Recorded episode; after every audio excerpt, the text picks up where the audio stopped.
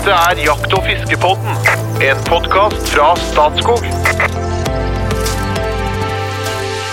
Ja, dagens arbeidstittel er intet mindre enn Bambimorder, kaffelattefjerning og rypefjær, så jeg er utrolig spent på dagens limerick.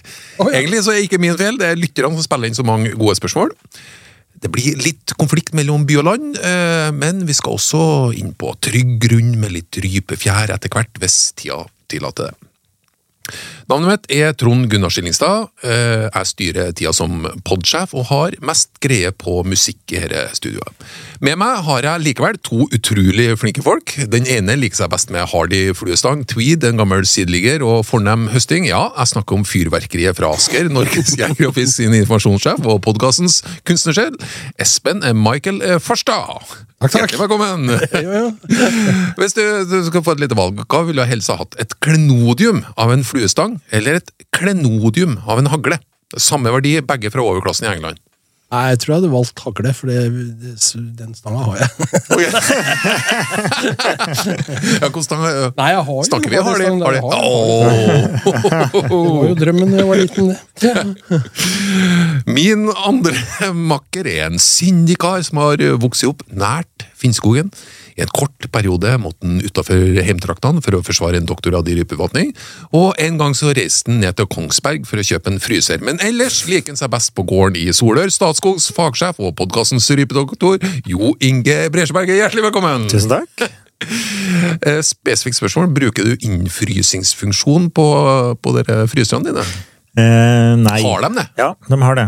Eh, nei, jeg, ikke, det bruker kun når jeg har eh, avise dem. Da bruker jeg innfrysningsfunksjon. Få den kjapt kallet. Eh, og så, så er det slik at jeg har litt sirkulering om hele tiden, så den innfrysingsfunksjonen, den eh, det, ja, det, Hvorfor skal jeg det? Det er jo kaldt der hele tida. Og den ene fryseren den står på innfrysing hele tida, så den er 40, 40 grader hele året.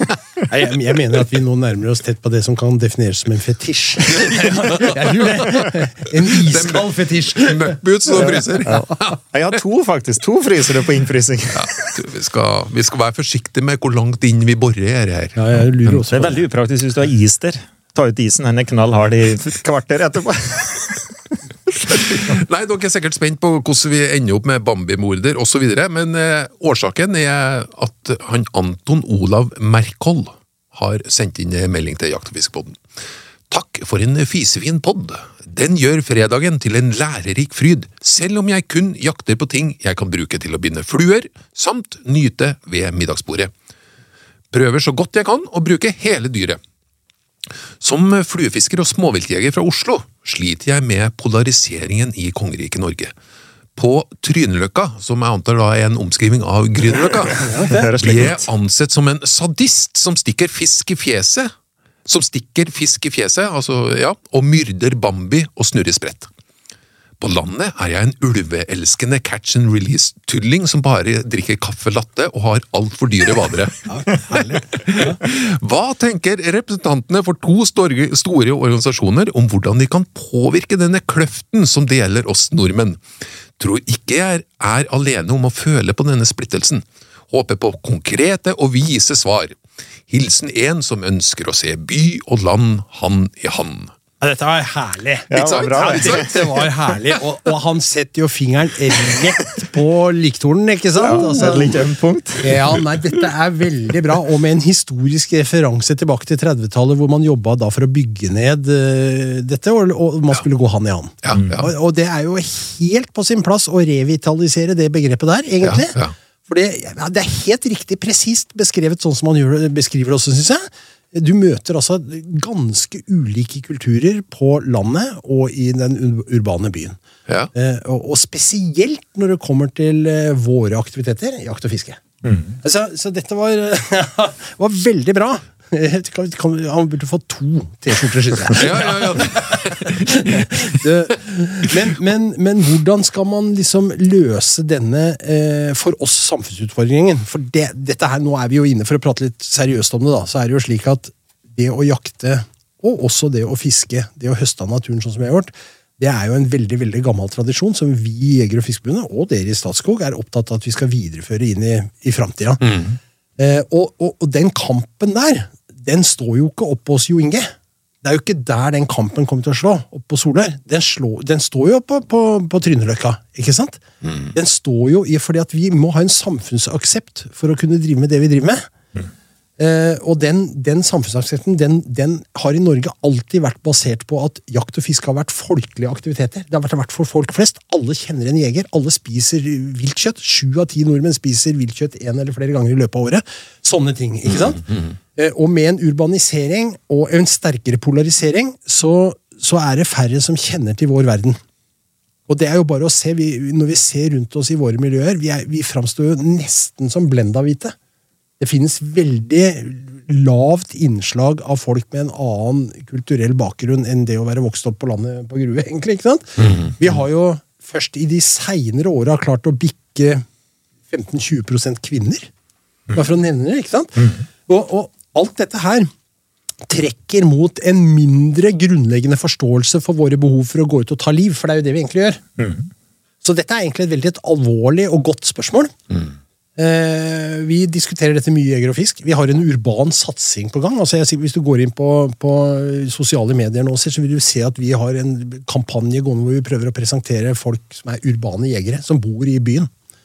Og som, og som eh, på en måte har med seg de verdiene inn. Men, men Nei, altså her, det er en million spørsmål knytta til Ja, det dette. Sånn. Jeg, Jeg, jeg, jeg hører at jeg kan prate i timevis om dette. ikke sant? Hvordan framstår vi? Er vi åpne og inkluderende? Er vi flinke nok til å invitere med oss folk? Er vi flinke nok til å forklare hva vi driver med? Vi har jo tradisjonelt gjemt oss inne i skauen. ikke sant? Vi tar på oss møkkbootsa og går rett inn i skauen og blir borte. ikke sant? Og i den grad vi møtes, så er det på en skytebane eller en tømmervelte langt inn i skauen. Og det er jo ingen som veit hva vi driver med. Så vi må være åpnere, og vi må være inkluderende. Dette er, det er vel noen sånne nøkkelord her, da. Jo Inge, du, du har jo vært litt mer utafor bygda enn det jeg dro til med innledninga, men eh, mer, altså, merker du posisjon fra landsbygda, da? Eh, fra Solør? Når man kikker inn på Merker man en økende manglende forståelse? Ja, ja jeg vil si det. Ehm, ja, jeg er det. Altså, det er jo ikke uvanlig altså du møter den type holdninger. da. Her kommer det byjegere og noe. Det har blitt eh, bare ta skogsfugljakta. Espen, vi er glad i å jakte skogsfugl. Det har blitt mer populært. Og Statskog er en av de som åpner opp, da, så at alle skal få slippe til. Selv om du kommer fra by. ikke sant? Og det merker du at eh, det kommer da tilflyttende jegere da, ikke sant? utenfra, f.eks. som han sier det, fra Oslo eller Lillestrøm eller byer på Østlandet. Og det er klart, eh, Da merker du en viss proteksjonisme. Det er noe med å ha det her for seg sjøl. først skal de komme hit, liksom? Dette er vår jakt, og nå Statskog slipper ut til alle. ikke sant? Og like det. Den merker jeg rundt omkring. Og, den, og det er ikke bare hos meg, altså. Det er egentlig Statskog har mye eiendom rundt på bygden, da, for å si det slik. Og nå er kanskje minst like mye nordpå. Altså, Kommer søringer hit, liksom, skal hit og jakte. Altså, det er jo jakta vår. Men det som Espen sier, det her vil stå og falle på om det vi klarer det i framtida. Om vi klarer å opprettholde dette som en folkeaktivitet for alle. Og ikke minst da for bijegere. Vi må finne oss i at eh, her skal alle slippe til, òg bijegere, i, eh, altså, i minnestrøk eller hen måtte være da på bygda. Nettopp for å holde den der aksepten i befolkningen. Jeg tror, jeg tror det kommer til å stå og falle på det. Som sier, det står ikke og faller på om vi jakter på Finnskogen, eller i Trysil, eller i Hattfjelldalen, eller i Lierne, eller i Bardu. Det er i bynære strøk. Trondheim, Bergen, Oslo. Syns de det er greit? For eksempel, Det blir, to, det blir jo to grupper veldig viktige ambassadører her. Det blir jo jegerne ute på landet, mm. som på en måte må framstå åpne og ikke proteksjonistiske. De må være villige til å på en måte Dele godene, da. Dele på godene, ja. Ja. Selvfølgelig må det. Og så er det veldig viktig med sånne reflekterte folk som, som innsender her, at han tør å ta disse diskusjonene på Grünerløkka. Fordi Min erfaring er jo at hvis jeg kommer inn i miljøet hvor folk definitivt ikke driver med jakt, og syns å ja, Bambi-mordere, liksom, alt sånt, så hvis man tar seg tid til å prøve å forklare vårt syn at vi, at vi er ikke bare ute og dreper for moro skyld, men at vi, at vi har et natursyn, vi har noen tanker rundt dette. Vi er, altså, så møter du veldig ofte forståelse. Og, Også blant hipsterne på Grünerløkka. Absolutt, altså. Så jeg håper at han står opp for saken, for å si det sånn. Men, men det gjelder alle, alle steder. Og det bringer meg rett over på en limerick. Nå er, nå er jeg spent på, for du, du, fikk jo, du fikk jo bare tittelen på arbeidstittelen på dagens ja. episode, så Ja, dette kan jo gå helt rett vest. Og den var jo attpåtil, den fikk jeg jo attpåtil etter at jeg hadde skrevet den limericken. For at han, han sender meg arbeidstittelen dagen før og tror at jeg hoster opp eh, limericker på strak. Halvforberedt. Ja, Nei, jeg er jo godt forberedt. Den heter Urban rypejakt i en moderne tid, så det skulle vel passe bra, tenker jeg. Ja. En frisinnet støkkjeger ifra Stryn jakta ryper av begge kjønn ut på byen. Han fikk stadig vekk stand til både kvinne og mann, til han fant lykken med en som var androgyn. Oi! Det var djup. er og Ja, det, det, det får en si! Du, du jeg, jeg drar jo av og til perspektivet fra ja, Ikke minst fra den industrielle revolusjonen og folkeveksten som etter hvert skjedde i byene, og forflytninga fra, by fra land til by, ja. og delvis fra land til utland, faktisk. Eh, Mye utvandring fra norske landsbygder. Uansett så er tyngdepunktet på hvor folk bor hen, og hvilken type oppvekst man har, har endret seg egentlig ganske radikalt på kort tid.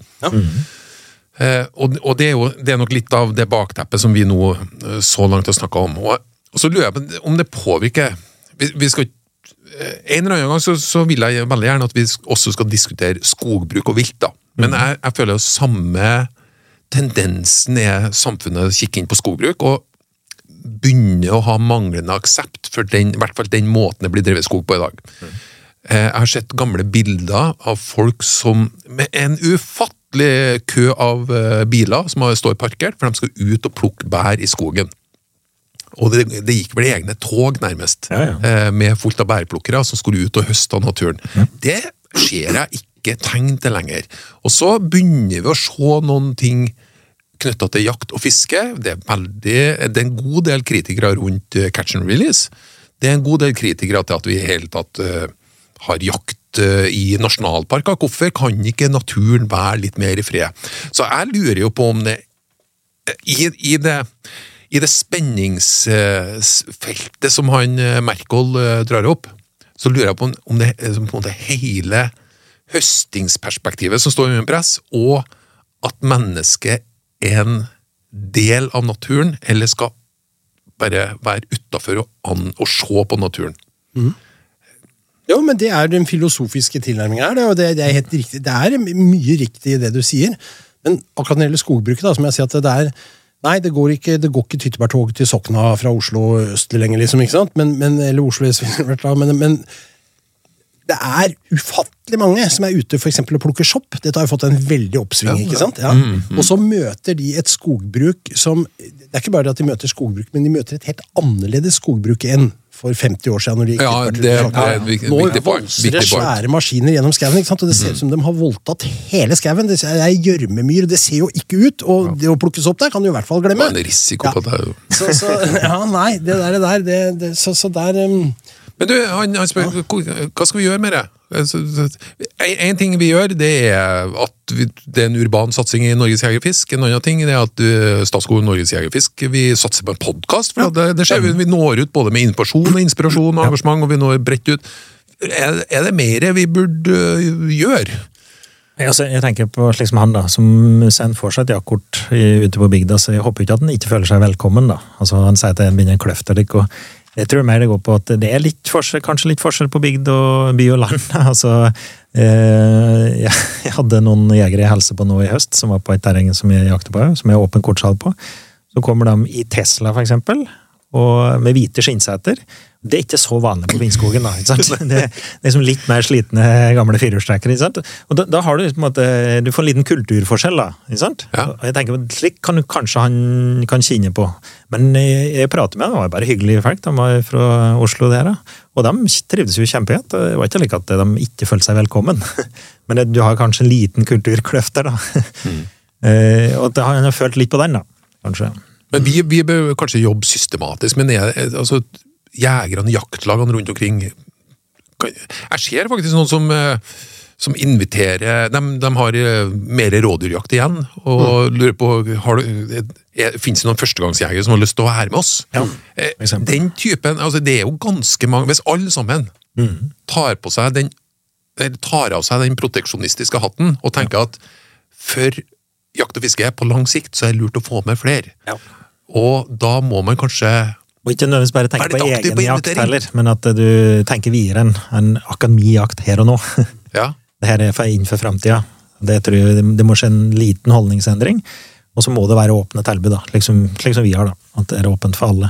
For ellers så det er fortsatt ganske mange steder rundt omkring eh, på bygdene at du må bosette i det og det kirkesognet, eller på den og den sida av elva, eller mm. jeg det, er, det er kunstig i dag, altså. Vi, vi må gi oss med det der. Men vi gjorde jo en enorm innsats på dette Ja, for når vi eksempel etablerte- etablerte- ja, når vi etablerte i natur, tenker jeg på. Ja. Som salgskanal. ikke sant? Ja, og vi, vi vet faktisk vi, 40% av alle jakt- og fiskekort og hytteleier som kjøpes gjennom i natur, kjøpes av folk som er bosatt i Oslo.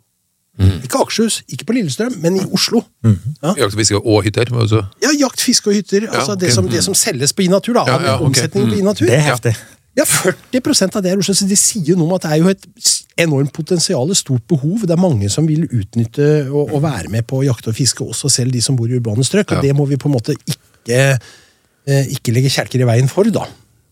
Det, og det har jo for så vidt Jeger og Fisk tatt, tatt grep på, eh, med standardvedtekter, og ikke ha lukkede foreninger, for eksempel. Ja, Vi jobber, Det vi jobber kontinuerlig med denne jakt- problematikken som Merkvold drar opp her. Og det, men, men han, han var jo så velformulert. Ja, det var så det var godt eh, beskrevet. Og han, og, og han står personlig midt oppi der. ikke sant? Han, Ja, ja. Han, han er en del av begge Han er uønsket i begge leirer. Ja, ja, ja, ja, det skulle jeg si. Han, han føler seg misforstått i begge leirer. Liksom. Uønsket Kom eh, til oss, sier han. Nei, men ok, Systematisk jobbing, men eh, jegere og fiskere flest kan også tas, ha en mer inviterende holdning. For på lang sikt så er det nok det som er avgjørende for at det skal være folkejakt, folkefiske, en, del, en viktig del av norsk kultur. eh, og så har jeg, hvis tid òg passer, så skal jeg ha litt rypefjær. Jeg tror det var rypefjær, i hvert fall. Lite spørsmål. Eh, jeg har et spørsmål til dere, og spesielt til rypedoktor Jo Inge. Det- Her er en sånn emoji med hjerte og greier. Oi, yes. Jeg er ganske fersk på rypejakt, men har lagt merke til en ting med ryper som pappa og brødre, brødrene mine har skutt. Det er ofte forskjellig farge på rypene som er skutt forskjellige plasser, på Sunnmøre, Romsdal og Trøndelag. Alt er fjellrype, men noen har mer innslag av brunt, brune fjær i fjærdrakta. Eller brunt i fjærdrakta. Men fortsatt mest grå. Andre igjen er helt grå. Er det krysning mellom fjellrype og lierype, eller tilpasser fjellrypa seg omgivelsene rundt seg? Om det er mer ur-, lyng- og skogsområde, der de får en mer tilpasset kamuflasje. Er en fjellrype på Sunnmøre, i Romsdal eller Trøndelag helt lik? Takk for fin podkast. Hilsen øvelsesjeger Pernille Førde på 14 år. Oi. Det elsker jeg! Du får så plusspoeng jo lavere alder er. Jeg vet ikke, Espen, eh, hva tenker du? Nei. Jo, jeg kan godt svare på det. Jeg har en limerick på det. Nei, jeg har ikke det. Kom igjen, Inge. Ja. Ja. Nei, men det er jo um, dette, eh, Det er jo et veldig bra spørsmål, jeg må si. Det er jo Eh, kjempe, tre minutter. tre minutter, ja. Kjempehyggelig å få et slikt spørsmål fra en 14-åring som følger med. Eh, hun sa at alle var fjellrype. Det er første vi må være helt sikre på. da. Altså, Og er spør mer- om det kan være en krysning, da. Ja, og så Men det er fjellrype. Ja. Ja. For lirypen er jo mer brune da enn fjellrypen. Altså, hvis du generaliserer, så er de mer brunt og hvitt i fjellrakta, mens fjellrypen er mer grått og hvitt i fjellrakta. Og litt størrelsesforskjell på dem. Så vi var helt sikre på det. Vi har ved blindtester sett at veldig mange jegere ikke ser forskjell på li og, li og fjellrype. Hvis de er blinde, så er det ikke noe rart. Nei. Og så er det jo, så er det jo, um, det er jo evolusjon, da. Så så er det tilpassa, er jo tilpasse omgivelsene sine. En kamuflasje. Ekstremt godt kamuflert når du sitter på bakken. Fjellrypen fjellrype sitter rolig mot fjellur, Ja. eller ur. Nesten kul kramp å se på dem. Du ser dem først når de beveger seg. Og sammen med liripen. Den kan ligge og trykke i løgnen framme av beina dine. Du ser den ikke før det, hun beveger seg eller reiser opp. Da. Så, så de er jo, disse er jo tilpasset liv her. De som drev utenriksidrett i mange generasjoner. Og, og det er visse forskjeller i fjørdrakta. Altså, I den grad du har isolerte bestander, så, så vil de måte utvikle seg likt da, i de omgivelsene mer, over tid. Eh, vi har ei ei rype, det er vanlig lirype, ute på Smøla. Og Den er mer brun, den blir ikke ordentlig hvit om vinteren, f.eks. Og det er en ja. tilpasning til at det ikke er vinter utpå der. Ja. Så der er evolusjonen gått sin gang. da. Så slik vil du, ha, vil du kunne ha litt forskjeller i, i eh, fjørdrakta mellom områder. Og så må vi huske på at det er evolusjon. Det, det som er oss mennesker. Vi har, noen har eh, lyst hår, og noen har mørkt hår. Og så er vi, vi er mennesker. Vi er liksom, du kan se at det er et menneske, men vi er, vi er litt forskjellige i både hudfarge og det. Det er evolusjon. ikke sant? En, eh, ja.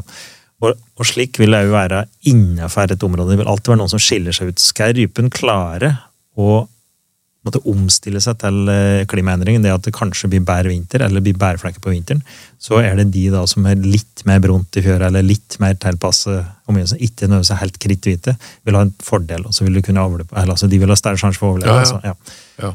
Så- Kan det være krysning? Eh, det var et bra spørsmål. Det er Ja, det, ja rypen kan krysses. Det kan de. Jeg tror ikke det er sannsynlig, Nei. men det kan krysses. Det er samme som rype og skogsfugl kan krysse, faktisk. Ja, Så det kan okay. få mutasjoner. Men de Men, eh, Men det, det, den, lang den, den sannsynligheten er ganske liten. da. Okay. Jeg tror ikke det er det hun prater om her. Så du må helt sikre på at det er li og fjellrype her. Og at, eh, Ja. så vil fjørdrakta variere med, i farve gjennom sesongen. òg, selvfølgelig. Altså De skifter jo fjørdrakt, og har da, går over til hvit fjørdrakt. Jeg sier igjen har mistanke om en, en, en egen podkast bare her. Det tror jeg minst vi kan ha. For nå, Tre nå må vi rett og slett eh, gå ned for landing. Eh, hjertelig takk for følget, eh, alle lyttere og seere. Vi kommer som regel hver uke. Tar av og til litt sommerferie og sånn. Eh, Og vi tar også litt juleferie, faktisk. Men ellers er hver uke er vi ute. Og kom med innspill på tema og spørsmål. Vi elsker det. Og det vi også elsker, det er hot or not, og det skal vi ha nå. Eh, Espen først. Edderkopp. Hot or not? Nei, det er not. Ja, det er litt not. Paracet. Hot or not? Ja, det er hot. Ja, det må ha hatt. Vann i whiskyen. Hot or not? Ja, jo mer, jo bedre. Hot. Jeg er hot. Rødkål. Hot or not? Ja, det er hot. Fra Åge Aleksandersens album Katalysator, låta Rabalder. Hot or not? Den tror jeg faktisk vi har hatt før. Nei, Raballer. det heter rungende hot! Hot, hot, hot med Espen. Takk for det. Hot i studio. Velkommen tilbake.